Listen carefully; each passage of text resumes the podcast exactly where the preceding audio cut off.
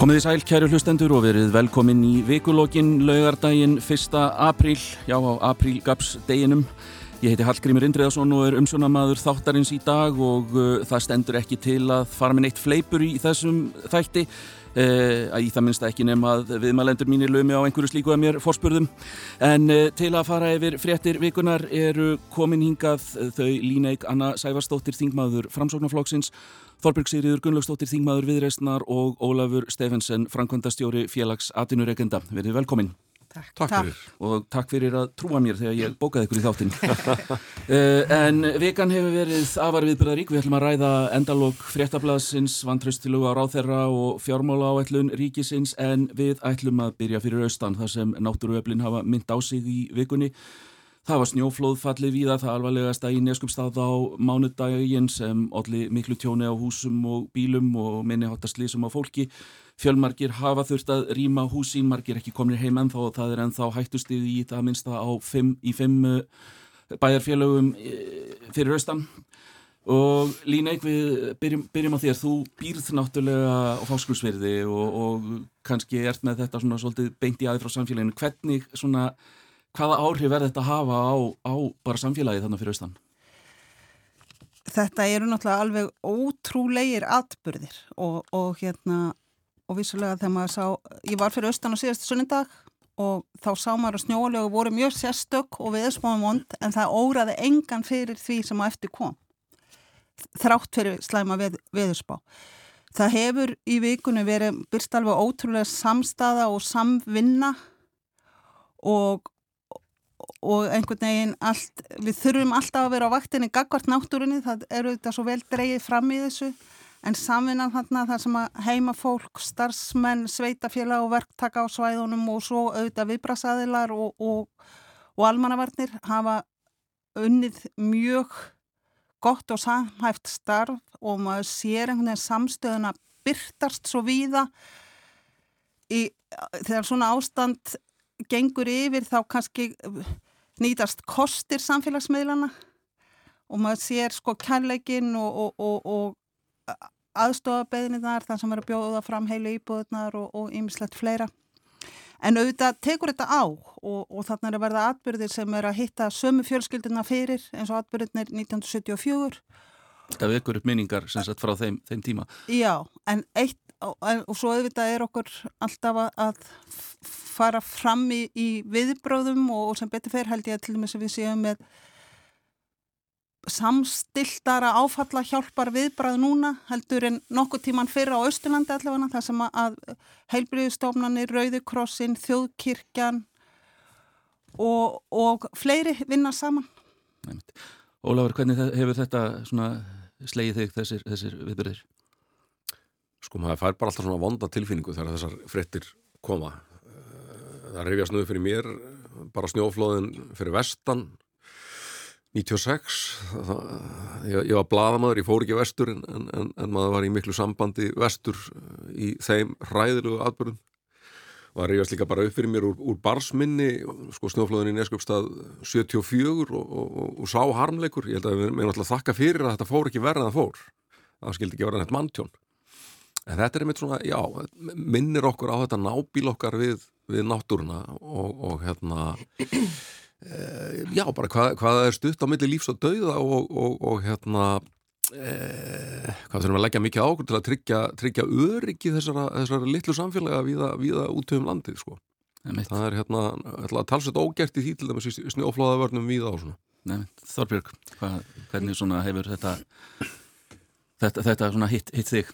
Já, ég bara tek undir með Ólafi á líneigum það að þetta er svona, þetta er fréttir sem að ég eppil þó að eh, maður sé ekki sjálfur búsettur á þessu svæði og held ég bara við sem Íslandingar eh, þetta, þetta framkallar alltaf ákveðin hughrif þessar fréttir. Og fyrir, fyrir mig, ég er fætt 78 þá fyrir hugurinn auðvitað rækleis til Súðavíkur og Flateri það eru svona fréttir sem Íslandingar muna hvar við vorum þegar við heyrðum þær fréttir fyrst um, mér hefur fundist líka mjög stert og áhrifað mikið að sjá ljósmyndir og fréttamyndir á svæðunum dæmum að bílar hafi kastast til einhverja, einhverja tíu metra. Þannig að hérna, ég held að okkur líði nú bara öllum eins með þetta.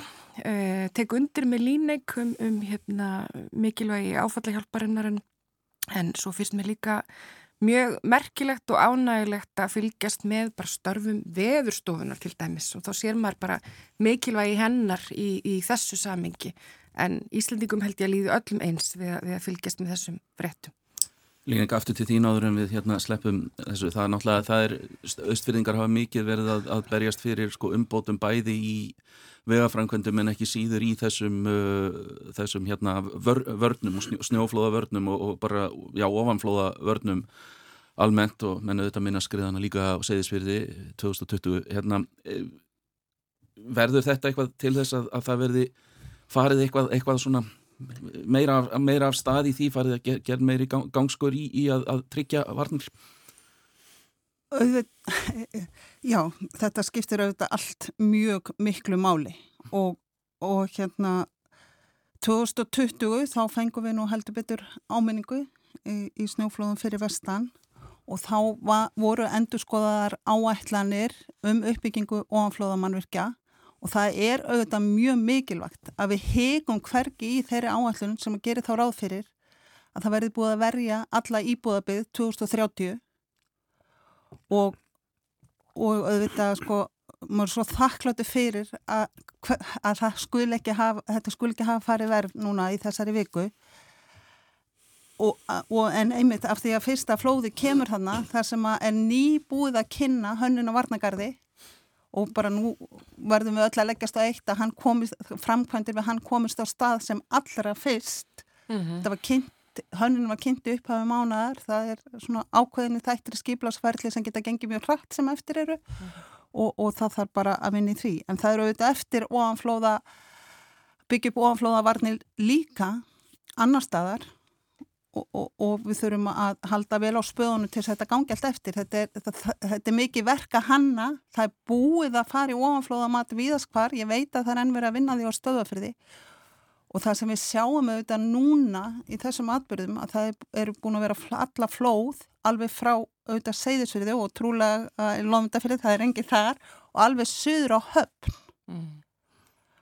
og auðvitað bendir þetta á, á veikleikana, við höfum ekki komið nógu langt í ofanflóðamannvirkjónum og auðvitað bendir þetta líka á mikilvægi góðra samgangna en hins vegar hefur staðan verið hannig mest af þessari viku að það hefur meir og minna verið ó, ófærir bæði nýju veginir sem eru góður lægi og líka þeir vegir sem eru á síðasta snúning mm -hmm. á allir þessari leið frá Norrfjörðu, Suður og Höfn og fyrir utan alla fjallvegina yfir Östfjara fjallgarðin. Þeir hafa allir verið ófærir, mm -hmm. meir og minna. En ég held að regluverki kringum þetta allt saman, minna það gerðist í kjölfarflóðan heimitt á Súðavík og, Flateyri að, að lög voru endur skoðu um ofanflóðasjóð og hann er á, á fjárveitingum í fjárlögum En ég tek undir með líneik að minna að það er auðvitað ekki frumskilda ríkisins að tryggja öryggi fólksins í landinu og það verður ekki framkjöðið litið að þetta er auðvitað sá þáttur sem að skiptir hvað mestu þarna í þessu samviki. Það sem ég langaði aðeins að bæta við að er og, og það sem ég láti mitt aldrei varða síðustu árin er að það væriði núna þegar það heilir undir það að, það, að ljú, við ljúkum vörnum íbúðabiðar að það voru farið í endurskoðun á öllu regluverkinu sem snýr að ofanflóðunum og við skoðum hvernig við viljum halda áfram. Allum að taka atvinnu lífið inni til dæmis og, og eins að náttúru hamfara tryggingum. Við höfum lært, veist, það, það er mjög gott fyrirkomla sem við eigum en við getum bætt það ennþá frekar. Og núna til dæmis stöndum við fram með fyrir því að það eru þannig tíu íbúðir sem eru íbúðar hævar og við veitum ekki hversu langa tíma það tekur að koma þeim í gagni. Við sendum hlýjar kveðjur uh, fyrir austan og vonum nú að þetta ástand fari nú að, að uh, lagast þar. En uh, næst uh, skulum við snúa okkur að uh, já, tíðendum uh, gerdagsins fjölmiðlum fækkaði um einn í gær þegar Fréttablaðið hætti útgáfu, laði niður vefin hjá sér og uh, starf sem í ringbröytar uh, var líka hætt uh, og það er náttúrulega líka beinast að byrja á þér Ólafur, þú náttúrulega rittstýrðir uh, Fréttablaðinu um nokkura ára skeið. Hvernig svona þetta, þetta, þetta hljóta að vera mikil ótíðindi? Þetta er mikil ótíðindi í mínum huga og svona skar í gamla bladamanns hjartað Ég á náttúrulega frábærar minningar af, af, af fréttablaðinu, vann þann með, með afskaplega góðu fólki og gerðum, gerðum fullt af, af, skemmtilegum hlutum í blaðamennsku. Ég var reyndar, eh, sko, á milli þess að ég var hérna rittstjóri morgublaðsins þar sem ég hætti 2009 og, og þegar ég byrjaði á fréttablaðinu 2010 þá fór ég í, í viðskiptanám til hérna eh, Barcelona, ætlaði ég að bara að skipta alveg um, um, um, um stefnu í, í, í vinnulífinu og ég mann þetta að ég satt í fyrirlestri hjá, hjá ágættum viðskipta profesor sem að sagði dagblöð er degjandi bransi. Ekki vinna á dagblæði, ekki fjárfest í dagblæði ekki koma nálagt dagblæðum, þetta er, þetta er degjandi bransi. Það fyrsta sem ég gerði þegar ég kom heima náttúrulega að ráða mig sem rittstjóra á dagblæði það tengan við einn staðist þá freysningu en e, sko ég held að, að, að hérna, já ég menna auðvitað er þetta mikil ótíðindi, þetta er slæmt fyrir, fyrir hérna, fjölmiðlun, fyrir e, bara upplýsinga e, aðgang almennings að upp, upplýsingum, það eru færri fréttir, færri sögur minna aðhald að stjórnvöldum og, og, og viðskiptalífi og svo framvegis. Miðlatin gegna bara mjög mikilvægu líðræðislegu hlutverki. Ég held að, að vand hluti sko engarækina fjölmjöla á Íslandi sé í rauninni fjórþættur. Í fyrsta lagi er viðskiptamódelið búið að vera alltaf tínt undan farin svona 20 til 25 ár. Eh, svona hennar almennu daglegu fréttir hafa bara verið ókeipi svara, eitthvað sem allir gefa eiginlega. Mm -hmm. Og hérna og það hefur ekki tekist hjá miðlunum að byggja upp sko nægilega einstakt og verðmætt efni til þess að fólk tilbúið að vera áskrifendur að því. Uh, við sjáum að, að, að sko áskriftarblæði eins og, og, og morgunblæði þeir eru ekki lifan eða með, með gríðarlegri meðgjöf frá, frá eigendum sínum. Uh, jú, heimildin er í áskriftarmótili við hefum kannski eftir að sjá hvernig það gengur. Það er líka áhugaverð tilunni gangi hjá, hjá innherja á vísi og, og nú skýrst mér að víkurfréttir séu komnar í, í, í áskrift það er að vefurinn þeirra. Og hérna uh, þarna er fólk mögulega að búa reyna, það verður að búa til eitthvað nógu gott til að fólk sé tilbúið að borga fyrir það og það hefur ekki gengið vel. Uh, vandamánum og tvö er síðan uh, sko stafræna byltingin og, og tilkoma samfélagsmiðla sem að margir sækja sér sínar fréttir og upplýsingar frekar heldur en á hérna hefbundnu miðla. Og við sjáum að nú fer já, jafnvel önnur hver auglýsingakróna íslenskar fyrirtækja til hérna alþjóðlegu samfélagsmiðla eins og, eins og hérna, Google og, og Facebook. Það er sko beðlegt þar eru augu og, og eiru fólks og auglýsendur er að, er að hérna, elda, elda smellina. Það er út af fyrir sig ekkert, ekkert við því að gera. Þriðja vandamáli held ég síðan að séu umsvið þessa fyrirtækis hér hm. Ríkisútarsins Sko það er tala, þegar, þegar stjórnmálamennir að ræða fram og aftur spurninguna um rúfa á auglýsingaðamarkaði eða ekki, þá held ég að það sé að ræða vittlisar spurningu. Ég held að henn rétta spurning sé á ríkið yfirlegt að vera svona umsöfa mikið á fjálmjölamarkaði. Á meðan að ríkið rekur fyrirtæki sem heldur út í miðlum sem að hafa svona gríðarlega mikið áhorf og, og, og lestur og berir höfuð og herðar yfir alla aðra, þá vilja auglýsendur vera þar. Það er ekkit óæðilegt til það. Og, og þess vegna eru margir stóru auglýsendur og ég tala nú oft við, við þá og við, við þá sem að reyka auglýsingastofur það fólk er ekki trifið af því að, að rúf fari af auglýsingamarkaði. En það er eins og alveg tilbúið að ræða þá spurningu sko uh, hvort rúf þurfa að vera svona umsjöða mikið Ríkis, ríkið hefur, jú, einhverju hlutverki að gegna í fjölmjölun menningar og örgislutverki og svo framvegis. Uh, ég held að þessi útastuð hér gegnir til dæmis mikilvægu menningarhlutverki. Ég leiði mér að efast um að rást tvö bætin einu við það sem að engaregnu stöðvarnar er að gera. Og hvað sjónvarpið var þar þá uh, held ég að það sé að mörguleiti bara mikill skadvaldur og auglýsingamarkaði. Eh, sko Magnús Ragnarsson hjá Símanum var að lýsaði hvernig það var eins og engi sprettu faraldur færi um auglýsingamarkaðin þegar það eru stórviðburðir í gangi eh, á rúf eins og heimsveistaramóti í Íþróttum eða Eurovision eða eitthvað slíkt Það er ekkert sem segir að, að, að, að ríkjursekkin miðill þurfu endilega að halda utanum slíka eh, viðbyrði. Það, það er alveg eins að hafa eitthvað uh, eh, því. Ég held að það þurfa, ef það á að laga íslenska fjármjölamarka en þá gerist það ekki með einhverjum sko ríkistyrkjum og, og svo leiðis byggsi eins og mann eru búin að vera baukaðinn á undanferði eða, eða með þessum eilífu umræðum um það hvort að rúf eigi að vera auðlýsingamarka eða, eða ekki það þarf að endur skoða hlutverk ríkisins á fjármjölamarkanum frá grunni þetta var að vera löngra ræða, en fjórða atriði er síðan bara e, stefna stjórnvaldra, ég, ég segi sko tepruleg og hræstnisfull stefna íslenska stjórnvalda varðandi auglýsingar á öllu mögulegu sem að er verið að auglýsa allt í kringum okkur eins og tökum áfengi nikotínvörur uh, fjárhættuspil uh, og svo, svo framvegis. Sem sagt uh, þetta er bannað Íslark lög ger ekki ráð fyrir þetta sé til og þar leðandur engar reglur um það. En svo er þessar auðlýsingar bara, auðlýsingar bara allstaðar í kringum okkur í samfélagsmiðlunum, í ærlandum miðlum og svo framvegis.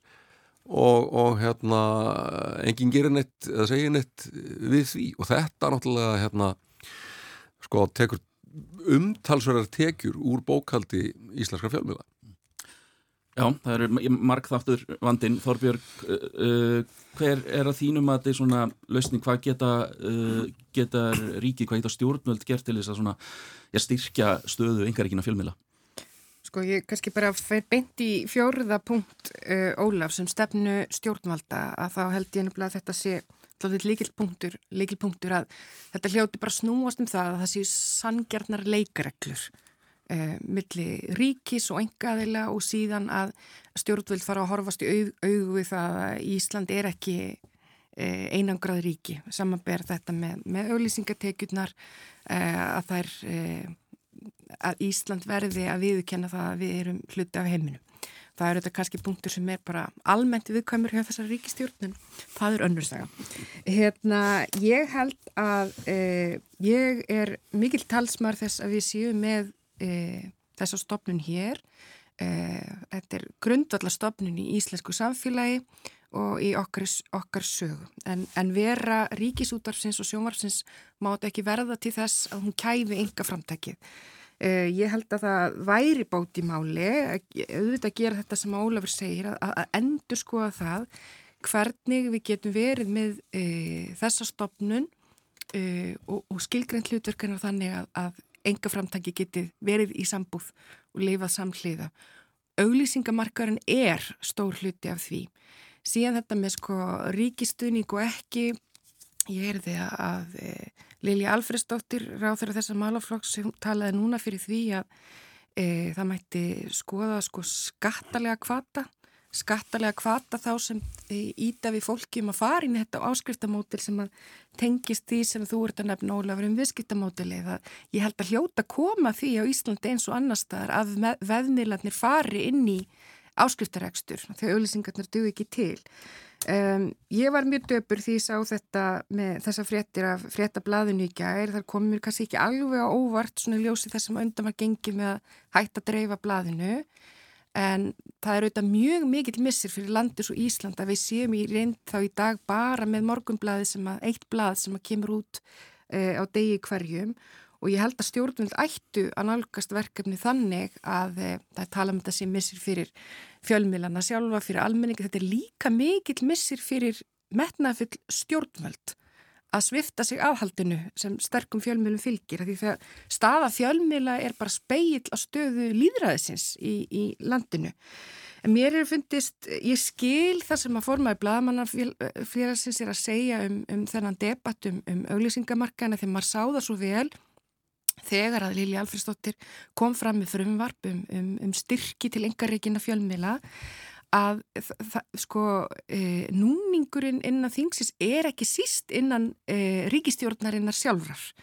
Og þá gerist það sem við mér finnst við sjá æg oftar og oftar núna á setna kjörtímabili ríkistjórnarinnar vegna þess að það er ekki samstaða e, þá eru einfallega engar ákvarðanar í teknar. Og það er eiginlega versta niðurstæðin í málinu að leifa hlutunum bara að matla áfram og fylgjast með því gerast að, að engar eklu miðlarnir e, detta upp fyrir einn af öðrum af því þetta hefur líka neikvæð áhrif eh, auðvitað á, á almenning og þessa engaríkun miðla en það verður líka til þess að það skapast óþarlega neikvæð umræða um ríkisútarpið eh, nánast eins og þessi ríkisútarpinu einu um að kenna hvernig fór. Það þarf stefnu stjórnvalda Líneik, það er hérna skotið aðeins á, á flokksistur þína Lilju Alfredsdóttur, hún hefur vissulega talað fyrir auknum stuðningi en, en mönnum hefur kannski lítið þótt gerast í því þó að vissulega sé gert ráð fyrir auknum stuðningi í, í nýjútkominni ríkisfjármála áætlun. Er erfitt fyrir flokksistuðina að koma þessum stefnumálum í, í stefnumálum sínum gegn?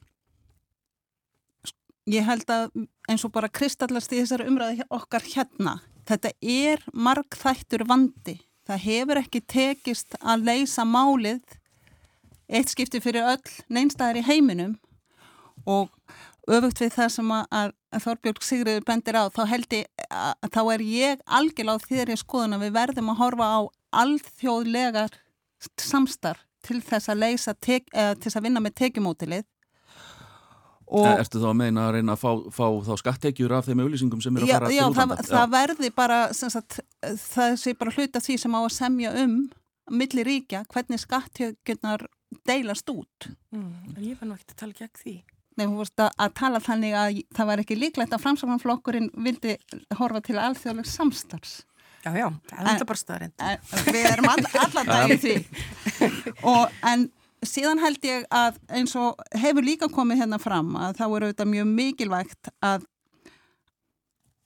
að finna lausnarni hér í landans og í því erum við að vinna og það mun þessari ríkistjórn takast en það verður ekki sagt, það sem ég er að segja þó við, við komum á skattalögkvötunum sem að, að ég held að sé mjög skeinsalegt og hefur gefið góðar enn í nágrannulöndunum uh, þessi við finnum gagsæja og fyrirsjánlega leið varandi styrkveitingar að, að þá þurfum við líka alþjóðarsaminuna ef við ætlum að, mm.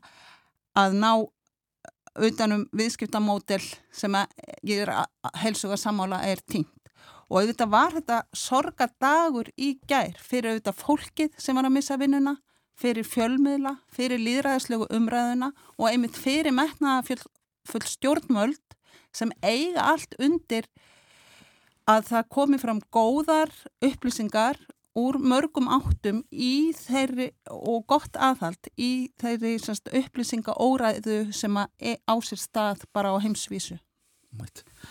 Já, það verður frólægt að sjá hvað, hvað stjórnvöldum tekst að hérna koma á breytingum á þessu og, og allavega þróuninni síkveik í, í hérna enga fjölmiðlum og, og, en svona já, heldur niður á við eins og staðan er núna. En nú skulum við venda okkar kvæði í kross það var uh, borin upp uh, vantraustillag á Jón Gunnarsson dónsmálar á þeirra á fymtudaginn og það kom fáum á óvart að uh, hún, er, hún var uh, feld uh, Þorbjörg sér því stjórnarnanstöðinu voruð sökuð af stjórnarliðum og, og ekki síst Jóni Gunnarssoni um að þessi tillaga hefði bara verið eitthvað leikrit. Mm. það hefði bara verið pólitíst leikrit og uh, svona vísandi í það það var vitað og hún er í feld og, og svona menn hafa líka auðvitað mísjöfna skoðanir og, og, á, á því hversu mikið tilefni var uh, til þessar vantröstilu var þetta var verið að spinna eitthvað, eitthvað leikrið þarna í, í, í, með því að leggja þessa vantröstilu fram? Mér finnst þetta svolítið sérstakt að segja að þetta hafi verið pólitík. Já, auðvitað var þetta pólitík uh, þetta snýst um pólitíst tröst þingsins til ráð þeirra ég held svona kannski þú veist að stóra myndin í þessu finnst mér vera uh, svona sambúð ríkistjórnar ráþra við alþingi Íslandinga uh, og mér finnst við að sjá bara svona ákveðin hnignunamerki þar núna á síðara kjörtímabili þessari ríkistjórnar varðandi svona viðhorf, nálgun, framkomu ráþra við alþingi uh, og þarna finnst mér við kannski geta tekið upp bara þann punkt sem við vorum að nefna um fjölmilana áðan að það er áðbúslega óheilbrygt að ríkistjórn sín nánast með það markmiði að veikja alþingi Íslandinga. Um, þannig að þarna held ég að þingið hafi verið að sparka frá sér. Um, við erum að sjá þetta gerast í þessu máli, við erum að sjá þetta gerast í öðrum málum þar sem að það er erfitt að framkalla eða fá fram gögn, skýslur Ég nefni lindarkvól, ég nefni mjög enginleg, eh, enginlega framgöngu fjármálar á þeirra varðandi í eldsjóð. Þannig að þetta finnst mér að vera stóra myndin og jú, auðvitað snerist þetta um pólitík. Það kom mér og held ég engum ávart að tillega var feld en þingið er að sparka frá sér. En uh, það er þín skoðun, þú ert náttúrulega lögfræði mentuð, mm. er það þín skoðun að Jón Gunnarsson hafi verið að brjóta lög? Meni, ég las þetta minnisblad og það er að mér finnst alveg skýrt af minnisbladinu að uh, Jóni Gunnarssoni bar að afhenda og ber að afhenda alþingi þau gögg sem þingi kallar eftir síðan er það auðvitað bara pólitískt mat hvort að hérna, e, þessi framganga hafi verið þess eðlis að hún kallaði á vantraust, fólk getur verið því það alveg, getur alveg haft það skoðun að svo sé ekki, en það er alveg skýrt að hann átt að afhenda og á að afhenda alþingi þau gögg sem að það byður um. Líneik, hvað fannst þér um, um þessa, þessa vantraust tilögu? Já, það var búið fram vantraust til að á dómsmálar á þeirra sem að byggði á því að, hef, að lög hefðu verið brotinn við, við varðandi afhendingu upplýsingar til þingsins það var ekki sínt fram á það að það hef, hefði farið fram lögbrot og, og þar að leiðandi var til að ekki samþygt og kannski ekki mikið meir um það að segja núna það er þannig lögfræðilegt álitamál sem að, að þarf að vinna með En er uh, bara, maður spyrja það nú Þorbjörg nefnir svo sem ímsa aðra þætti en, en kannski beinlinnis uh, lögbrótið, svona þeim er almenna framkomi, er alveg sátt innan framsóknarflokksins sem störf Jóns Gunnarssonar? Það er auðvitað að alltaf innan ríkistjórnar og, og, og jáfnvel innan flokka ágreiningur um verklag og, og gaggrínu uppi en, en sameilega verkefnið er skýrt. Ólafur, hvernig horfið, horfið þetta, þetta við þér, svona, kannski ekki síst sem svona gömlum, gömlum bladamanni? Tja, sko... Það var að tja. við búum náttúrulega við að mínum að því að mörgleiti afskaplega var vondan stjórnmálakultúr á Íslandi. Samskipti framkvæmdavaldsins og þingsins eru partur að því. Mm -hmm. uh, hérna, framkvæmdavaldi umgengst þingið ofta eins og, eins og einhverja hálgjörða góldtörsku. Mm -hmm. En mér finnst líka reyndar að þingið eigi sína sög þar mér finnst að þingi mætti oft sko setja framkvæmdastjórnvaldinu betur stólum fyrir dittnar alls konar vittleisa sem ég þekki nú bara sko kannski náið í, og í smáatriðum úr mínu núverandi starfi til dæmis skakvart aðtunlífinu sem að hérna kemur frá framkvæmdavaldinu og rennur bara svona einhvern veginn spurninga og aðtjóð að senda löst í, í, í, hérna, í gegnum þingið að þar verist einhvern veginn ekki vera sko þekkingin eða, eða, eða hérna eða tímin og áhugin til að, að, að rína almennilega það sem kemur frá, frá framkvæmdavaldinu. Svo er það náttúrulega það að, að hérna, það væri halv ríkistjónin laungu búin að segja af sér út á alls konar málum ef hér væri sviðpöður stjórnmálakultúr og segjum bara í Breitlandi eða Danmörku eða Svíþjóð. Það sem að ráð þeirra einfallega bara komast ekkert upp með að stíga í spínatið og, og, og halda sig áfram störfum. Mm. Sko, ég hef vissu að svolítið gaman á Jóni Gunnarssoni sem, sem pólitíkus hann hefur hellingspolítiskan kjark meiri en margir aðrir í, í þessari ríkistjón eh, svo hins vegar þegar kemur á forminu sko þá sullast undir þetta mikið út fyrir og hérna sé, sé, í, í öðrum landum var hann ábygglega búin að lenda í einhverju vesenni með þetta. Og svo var hann kannski heldur ekki alltaf góður í að lesa salin eins og þessi síslumarskipin í vestmanni mm. bara óttum, það var alveg eh, svakalega vond ákvörðun. Ef ég myndi kannski aðeins bæta við þetta þá held ég að, að það sé rétt sem Ólafur nefnir sko varandi samspil ríkistjórnar og alþingis og alþingi á alveg sína söki því líka. Uh, mér hefur fundist, ég hef nú sittið hérna núni í þrjú ár uh, mjög umhjúmsunavert hver meðgöngu tími mála er. Uh, að bara meðganga frumvarps er ofstutt og hefur auðvitað þau áhrif eins og í öllum störfum að, að ef að mál fær ekki nægan undibúning að þá eru verilega líkur á því að hvað færi úrskeiðis.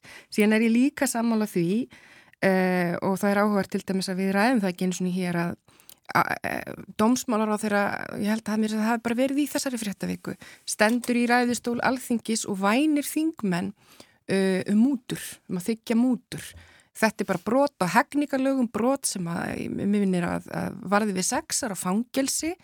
Eh, hann stígur síðan fram á Facebook og segir að hann hafði kannski ekki orðað þetta nægilega kurtisíslega þegar hann var að væna þingmennum að þykja mútur. Endur tekur samt það sem hann sagði áður. Þetta hafi engar aflengar inn í þingsal af hálfu fórsetta þingsins. Þetta verist ekki hafa neinar aflengar innan ríkistjórnar en heldur. Uh, og ég á mjög bátt með að trúa því að ráð þeirra til dæmis á Norðurlöndun myndi fara upp í púlt saga uh, þingmenn sem allir vita hverjir voru uh, um rössi verða háttsimi og það væri bara svona að Jón Gunnarsson þetta nú, hefði afleggingar En nú eru, nú eru náttúrulega siðareglur þingmanna í, í gildi sem hefur reyndar menn að verið ánaði með hvernig, hmm. hvernig hefur virkað í, í, í já, því að já. úrskurða um, um brota á, á slíku uh, er, er það ekkert sem að því að nú er verið að tala svolítið um það eru er þið að ræða svolítið um já, kultúrin að hann sé, mm, hann sé mm. svona, já, ekki, ekki kannski nógu, já, heilbriður Nei, nei, og þar eru við líka með þá stöðu, ég satt nú í fórsættisnemnd að fórsættisnemndin er sjálfað ákveða hvort að mál sem varði brota síðareglum e, síðu þess aðlis að það þurfa að skoða þau, þingmenninni sjálfur, sko. þannig að þetta er hérna algjörlega byllist verkvar í mínum huga. Þannig að það er mjög margt þarna sem hann mætti laga og hérna, en eins og ég segi, mér finnst stóra myndin vera að það er einhver hnygnun í gangi, hnygnun að skeið í gangi, hvað varðar eh, samskipti ríkistjórnar og, og alþingis. Það er vond staði fyrir alla. Lín, ég ætla að gefa þér aðeins færi á að, að svara þessu. Finnst, er, er, ertu samálað þessu? Er einhver, svona, hvað segir, hnygnun í gangi í þessum samskiptum, burt sér frá þessu máli í kringum Jón Gunnarsson?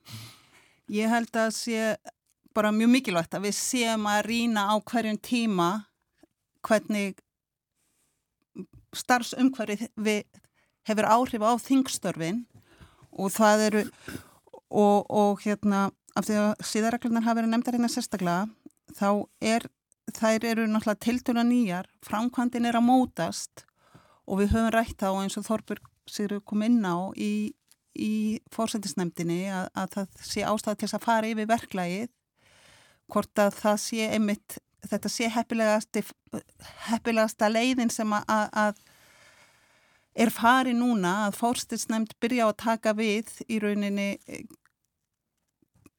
erindum sem, sem varða síðarreglunar og ákvaða hvaða leið þær fara og gerir ráðfyrir að við tökum þetta til umræðu. En svo er ímislegt annað sem er að breytast í starfsumkvarfinu og ég held að það sé mjög mikilvægt að fórstilsnæmt sé svolítið á vaktinni með það er auðvitað bara með breyttri tækni þá er miklu meira af upplýsingabeinum af öllu tægi og, og við þurfum auðvitað þingið þarf upplýsingar en ég held að við geitum staðið okkur betur í að bæði setja þær vel fram, afla þeirra og, og hérna og einhvern veginn ná betur utanum þetta aðhalslutverk þingsins með skilvirkari hætti. Það mitt. Já, við skulum hérna þá láta umræðum þetta lokið sem fór nú út í aðeins meira en Jón Gunnarsson sem er hefðið besta mál. En uh, eitt af uh, mörgum stórum málum og þá höldum okkur innan þingsins það var uh, ríkisfjármála til fimm ára sem var löð fram núna í, í vikunni og tilgangurinn, yfirlýsta tilgangur var að uh, draga úr verðbólgu og kannski svona svolítið draga úr uh, umsviðum ríkisins og hérna auka, auka tekjurnar á sama tíma. Uh, Ólafur, þið í, í félagi aðtunurreikenda hafi gert ákveðnar aðtöðasendir við þessa fjármáláöllun. Hvað, hvað er það í henni sem svona, já, hugnast ykkur ekki? Sko, í fyrsta lagi þá er nú hérna, meiri partur allara tíðinda þar á tekjullið ríkisjós. Já það hefur verið að, að hérna, hækka skatta á, á, á atvinnlíði til að reyna að, að hérna, ná saman gati í, í ríkisræksturum við teljum að það séu sko, mjög stór tækifæri vann nýtt á gjaldahliðinni í, í hagraðingu og lækun kostnadar og við höfum bent á ímislegt í, í því. Við vorum með hérna, aðalfund í, í februar og letum vinna fyrir okkur fyrir þann fund uh, skýslu um uh, þróununa í bæði fjölda og, og kjörum ríkistarsmanna Sko sama tíma á fólki fjölgaði á almennu vinnumarkaði um, um, um 3% árumbyrjunni 2015 til 2021 þá fjölgaði starfsmennum hins ofinbera um 20% millir 11 og 12.000 manns.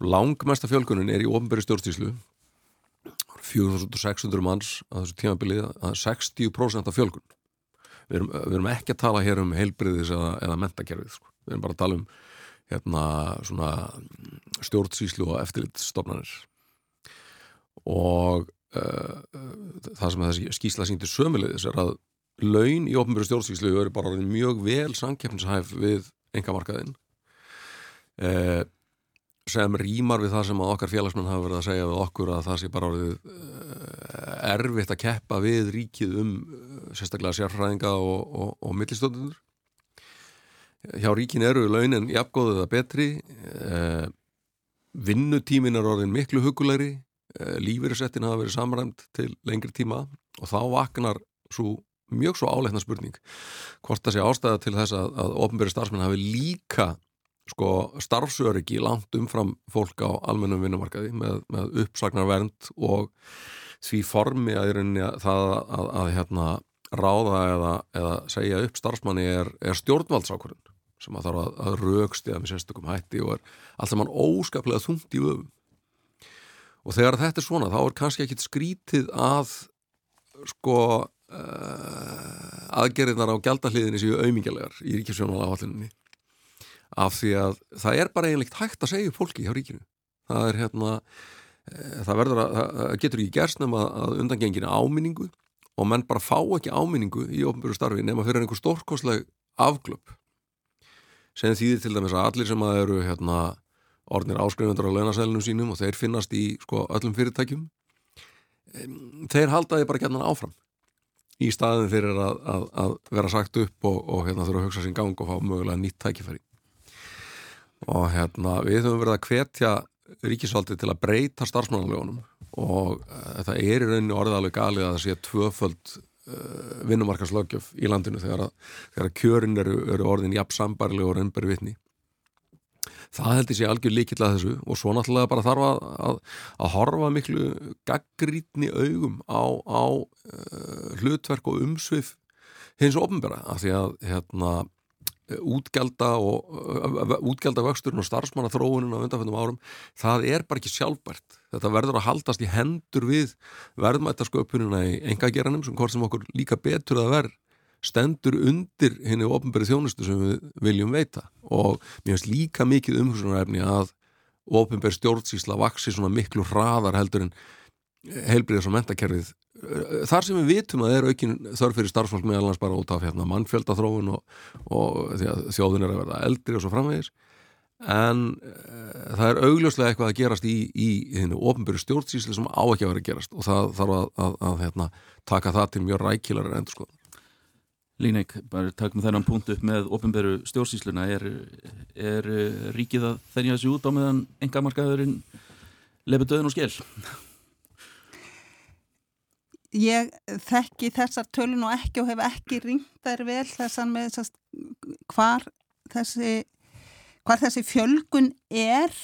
En á sko, fjármála áallunin er auðvitað, þar er markmið að ná niður verðbólgu og þar er, ver, eru verulegar aðhaldsaðgerðir og, og hérna, aðhaldskrafa á einmitt stjórnsýsluna og, og þann hluta ekki á heilbriðiskerfið eða velferðarkerfið.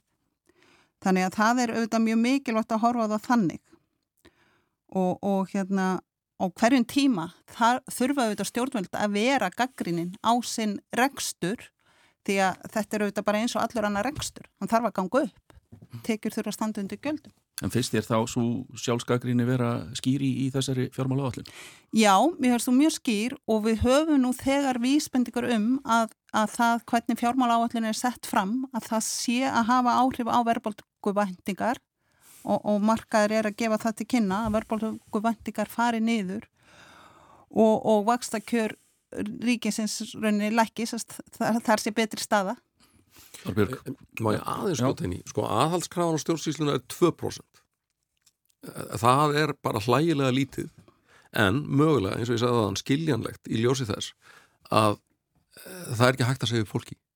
Og allir sem hafa verið í einhverjum rekstri á almennum markaði vita að, að hérna e, þegar að aðkreppir og þarf að læka að kostna döglega þá er afskaplega erfitt að komast hjá því að segja upp fólki þó það séu erfiðar ákvarðanir. Og, og þetta, þessi spenni treða sem ríkisræksturinn hefur verið settur í að verðan er fallað að ná honum úr henni eh, sko ég, ég hef sagt að, að ég er nú ekki talsmaður hérna óhóflegs ríkisrækstrar það eru margir miklu hrifnar af ríkisrækstri en ég. En þeir sem eru hrifnar af ríkisrækstri þeir verðast leiður þeirra skoðanar að megi alls ekki vera skilvirkur og hagkvæmur. Og, og, og, og þar nægi ekki alveg hérna, jöfnunni saman.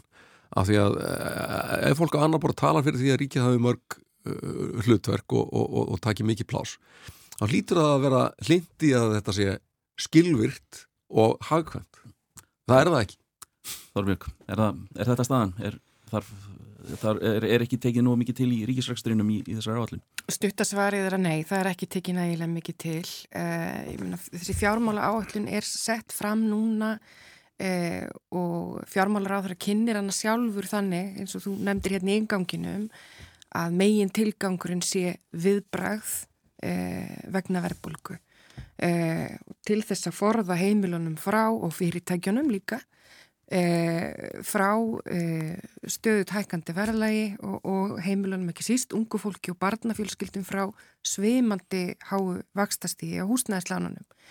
Eh, svo hlusta maður á þessa kynningu og mér leiði alltaf svona, eh, þegar hún var búin þá leiði mér eins og hún hefði ekki byrjað. Eh, það var vera að tala um hvernig nokkur vegnaði heimsfaraldri og svona einhverja breyðarstrókurum eh, á Íslandi í samingi hlutana þráttur allt mjög gott að búa. Það er alveg rétt. En þarna var ekki verið að svara þeim spurningum eh, sem lagt var upp með um hvernig á að takast á við verðbólkuna. Ef það á að hjálpa heimilunum í þeirri stöðu sem er uppi núna, það eru alls konar leiði til þess. Stóra málið er auðvitað bara einfallega að ná verðbólkunni niður. Og hva, allir... hvaða leiðir er það þá sem þú, þú vilt fara ef þú sér það ekki í, í þessari áherslu? Það er bara ekki verið að stíga nógu stór skref og það er líka, snúningurinn er, er of hægfara. Það er verið að tala um... Eh, það eina sem er að breytast sínist mér vera að, að, að það er þessi skattaprósundu hækkun á fyrirtækin að öðru leiti er staðan í, í öllum aðalatrum hins sama. E, og það er bara ekki nóg til þess að, til þess að ná utanum vandan að koma fram með þessa tillugu það hefur að ræða mjög um veiðugjöld hugsanlega og mögulega eftir nokkur ár.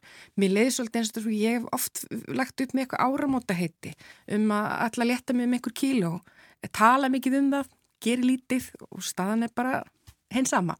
Um, það er hægt að fara í það að fresta framkvæmdum og ríkistjórnin er að gera það endaldi seint. Um, en hún er ekki að gera það sem er erfiðara fyrir hana sjálfa sem er einmitt að taka til í rekstrunum að, að, að hérna sína sjálfdaldið aðhald. Uh, þannig að það er auðvitað þannig að sko útgjaldar hliðin er vandamálið. Viðvörunabjöllurnar heyrðust bara hátt og snjált síðasta haust þegar fjármálar á þeirra laði fram e, fjárlaga frumvarp e, á þenslu tíma með 120 miljardar krónu halla. Það bentu allir á það.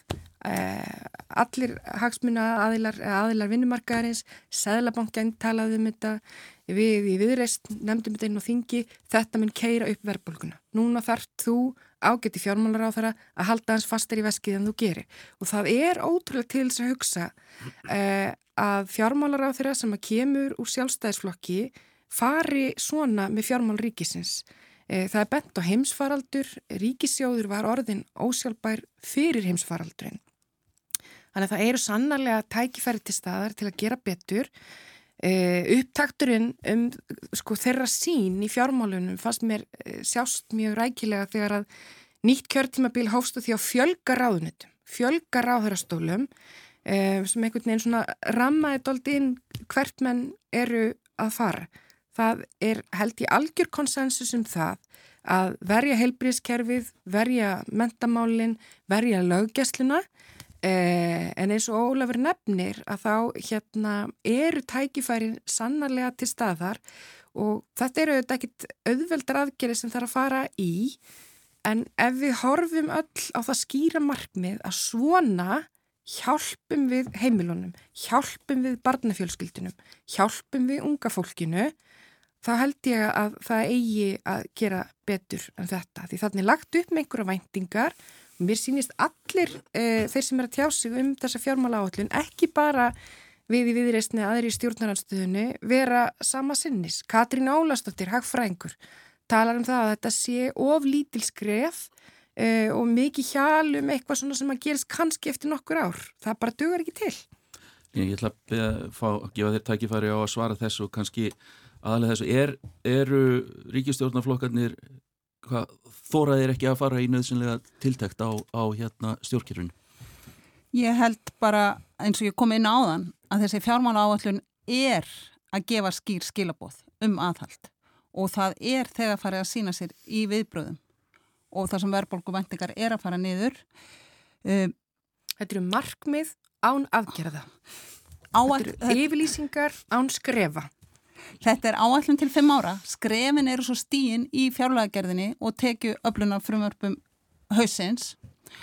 En þarna eru skýr skilabóð til atunlífsins, til heimilana og þetta er auðvitað samanverkefni og, og eins er kannski mikilvægt að gera þess að, að, að það hefur komið skilabóð frá sælabankanum einmitt um að þetta á fundinum núna í vikunni þar um að þetta séu mjög mikilvægt skrep og en það sem ég vildi líka koma inn á af því að nú fór fram svona upphaf umræðina um fjármála áallum fór fram í þinginu í gær hluti af, af fyrir umræðinni frestast fram yfir páska og þar komu einmitt fram mjög misvísandi skilaboð frá stjórnaranstöðinni.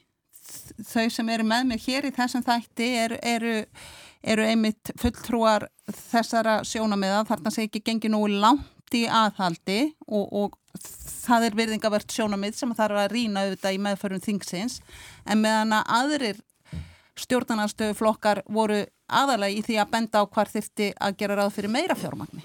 En mér finnst þetta alltaf verið að stefi hjá ríkistjórnin að benda á það að stjórnaranstæðan hafi ekki öll sagt sama hlutin. E, stjórnaranstæðan var ekki kosin til að vera saman í liði. Ríkistjórnin þarf að vera samtaka og ég held að sé ástæði fyrir því að fjármála áallinu lítur út eins og hún gerir er einfalla svo að ríkistjórnin er ekki samtaka um það hvað á að gera og það mun hafa þær einföldu afleggingar að heimilinn og fyrirtækin í landinu taka rekningin því að aðgerraleysið það mun kosta.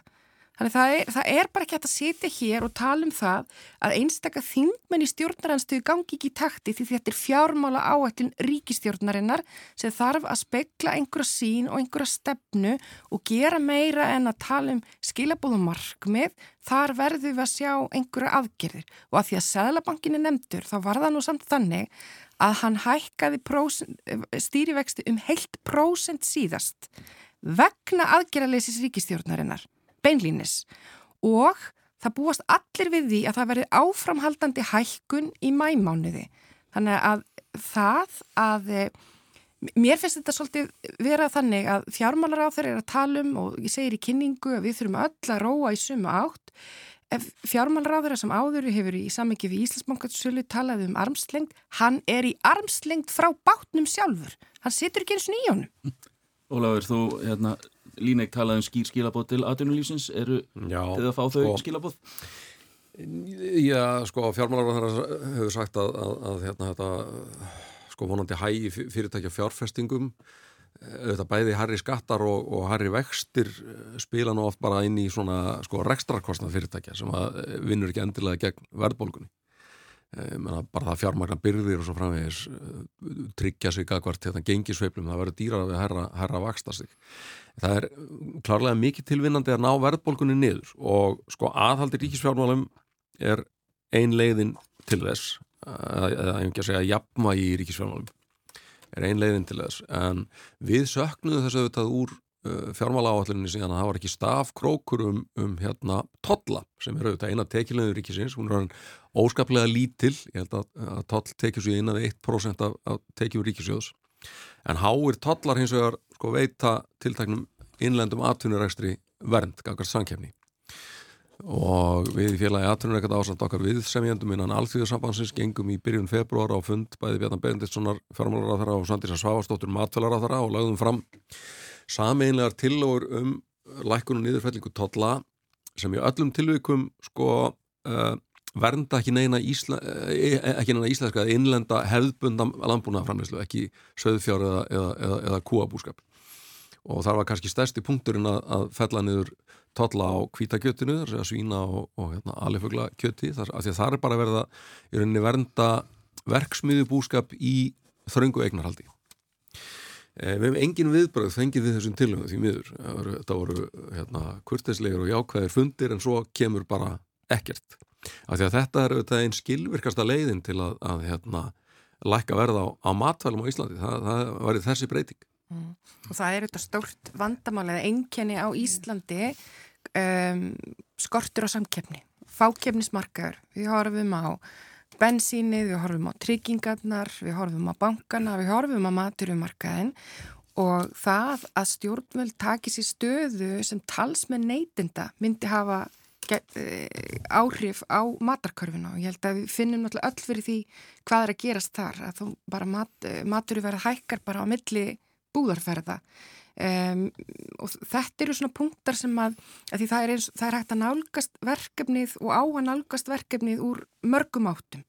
Að ríki taki minna plás en síðan að vera að leita og sæta færis um það hvernig er hægt að, að, að styðja við heimilin með, með aðgerðum eins og þessum. Mér fannst áhugavert að sjá til dæmis að sænski fjármálar á þegar hann hafi einfallega kallað til sín e, maturkæðunar að því að henni fannst e, þær verið að fara fram úr sér í, í, e, í hækkunum á, á vörverði og og það skiptir máli að beita þeim tækjum sem við höfum og að það sé gert á réttum tíma. Mér finnst það mjög virðingavert að fylgjast til dæmis með bæten, bandar ekki að fórseta þar.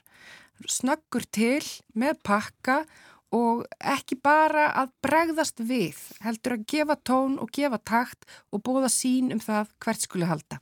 Línek, uh, já, er ríkistjórnin að svona hvað maður að segja uh, heiktast við að, að svona allavega gera sitt til þess að tryggja bara lægra vöruverð á bara þessum, þessum daglegu vörum sem við erum að kaupa út í búð. Já, ég kem að því en mér nokkur nú að bregðast við nokkur sem hefur verið sagt hérna. Om. Fyrsta lagi varandi stjórnarandstöðuna.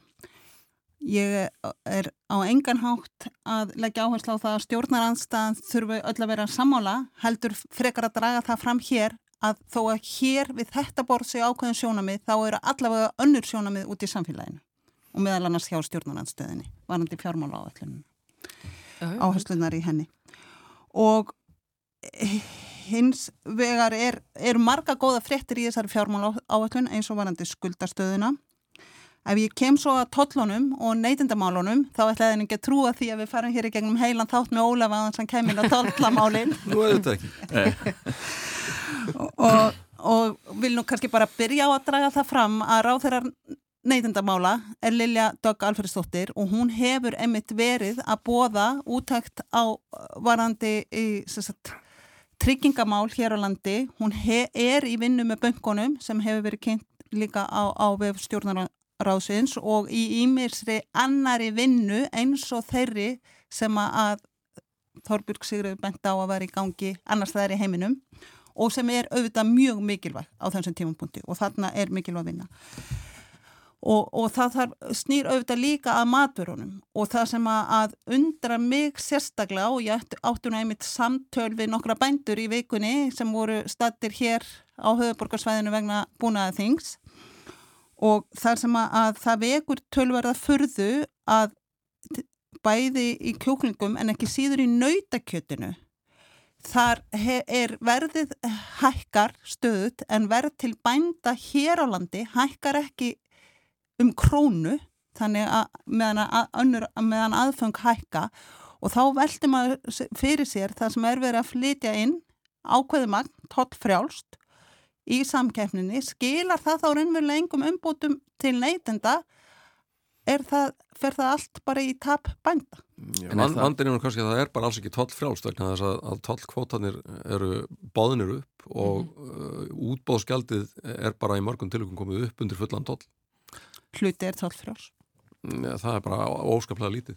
En, en uh, svo maður takir nú þennan punktur, nú er nú, tímin er að stýttast hjá okkur, en, en maður takir nú þennan upp með verðið til bænda. Er þetta eitthvað sem stjórnir geta á einhvern nátt beitt sér í að þegar að, að það að við séum að hérna, borga hæra verð fyrir landbúnaðar afirðnar að það í það minnst að sé ekki að fara í einhverja, einhverja milliliði? En er ekki þær vöru sem njóta verndar á Íslandi, það eru þær sem eru að hækka mest? Mm -hmm. Nei, það er ekki þannig að þær séu að hækka mest. Og, og við erum að, að hérna, til dæmis að tala um nautakjöti sem að ekki nýtur, mm. nýtur stuðnings í framleiðslu. Mjölkurvörðunar, lambakjötið. Það eru fréttir fyrir mig og nautakjöt nýtur ekki tollvendar að nýta tollvenda það vindur, nýtur ekki stuðnings í framleiðslunni. Er en, en það er hins vegar þannig að, að maturuverð og það er búið að sína fram á það núna, maturuverð úr innlend, það sem byggir á innlendri matvælaframleyslu hefur ekki verið að hækka umfram það sem er að gerast í Evrópu og raunar minna á, í mörgum vöruflokk. Það er nefnilega það. Þetta hafa verið, eh, já, hvað maður að segja, nokkuð fjöruar umræður um eh, bísna margt, eh, Jón Gunnarsson, eh, fjölmiðla, fjórmála áætlun, eh, efnahagsmál, vakstamál og ímislegt fleira. Já, að maður tali nú ekki um eh, nautakjött. Við eigum cirka einu og hálfa mínútu eftir og þá er kannski bara rétt að við byggðum ykkur öllum þreymur að svara, svara örstuðt. Hvernig verða páskanir hjá ykkur, Ólafur? Já, ég hugsa að það færi bara mikill tími um páskana að, að hérna, æfa mig fyrir ammælist tónleika sönghópsins mín Spektrum sem verða í lokmánaðarins í salnum. Já, hérna kom smá auðlýsing. Það það já, þetta er svo útbreytur til. Já, já, vissulega, líneik. Ég vona að ég geti notið útivistar á Austurlandi og vonandi verða, verður örugt að vera þar að njóta náttúrunar og, og geta heimsótt skíðasvæðin, fer nú aðalega á gönguskíði samt. Við vonum það líka. Þorbjörg, hvernig verða páskanir hjá þér? Það verða sundferðir, sundferðir með, með yngstu dóttur minni en, en við byrjum í kvöld á að það eru fimm, eh, tíur stúlkur í næturgistingu, þannig að það er pítsupartí í kvöld. Það verður fjörugt heim, fjörugt heimilisandið hjá þér í kvöld. Já. Já, þá verður, uh, verða vikulókin ekki lengri í, í byli að þessu sinnið. Uh, við, uh, það verður þáttur að ég held aftur að vikuliðinni. Uh, Gæsti mínir hér voru Líneik Anna Sæfarsdóttir, þingmaður Framsóknarflokksins, Þorbjörg Sirjur Gunnlaugsdóttir, þingmaður Viðreistnar og Ólafur Stefensen, Frankundastjóri félags Atinurekenda. Ég þakka fyrir hlustunina uh, og verið þið sæl.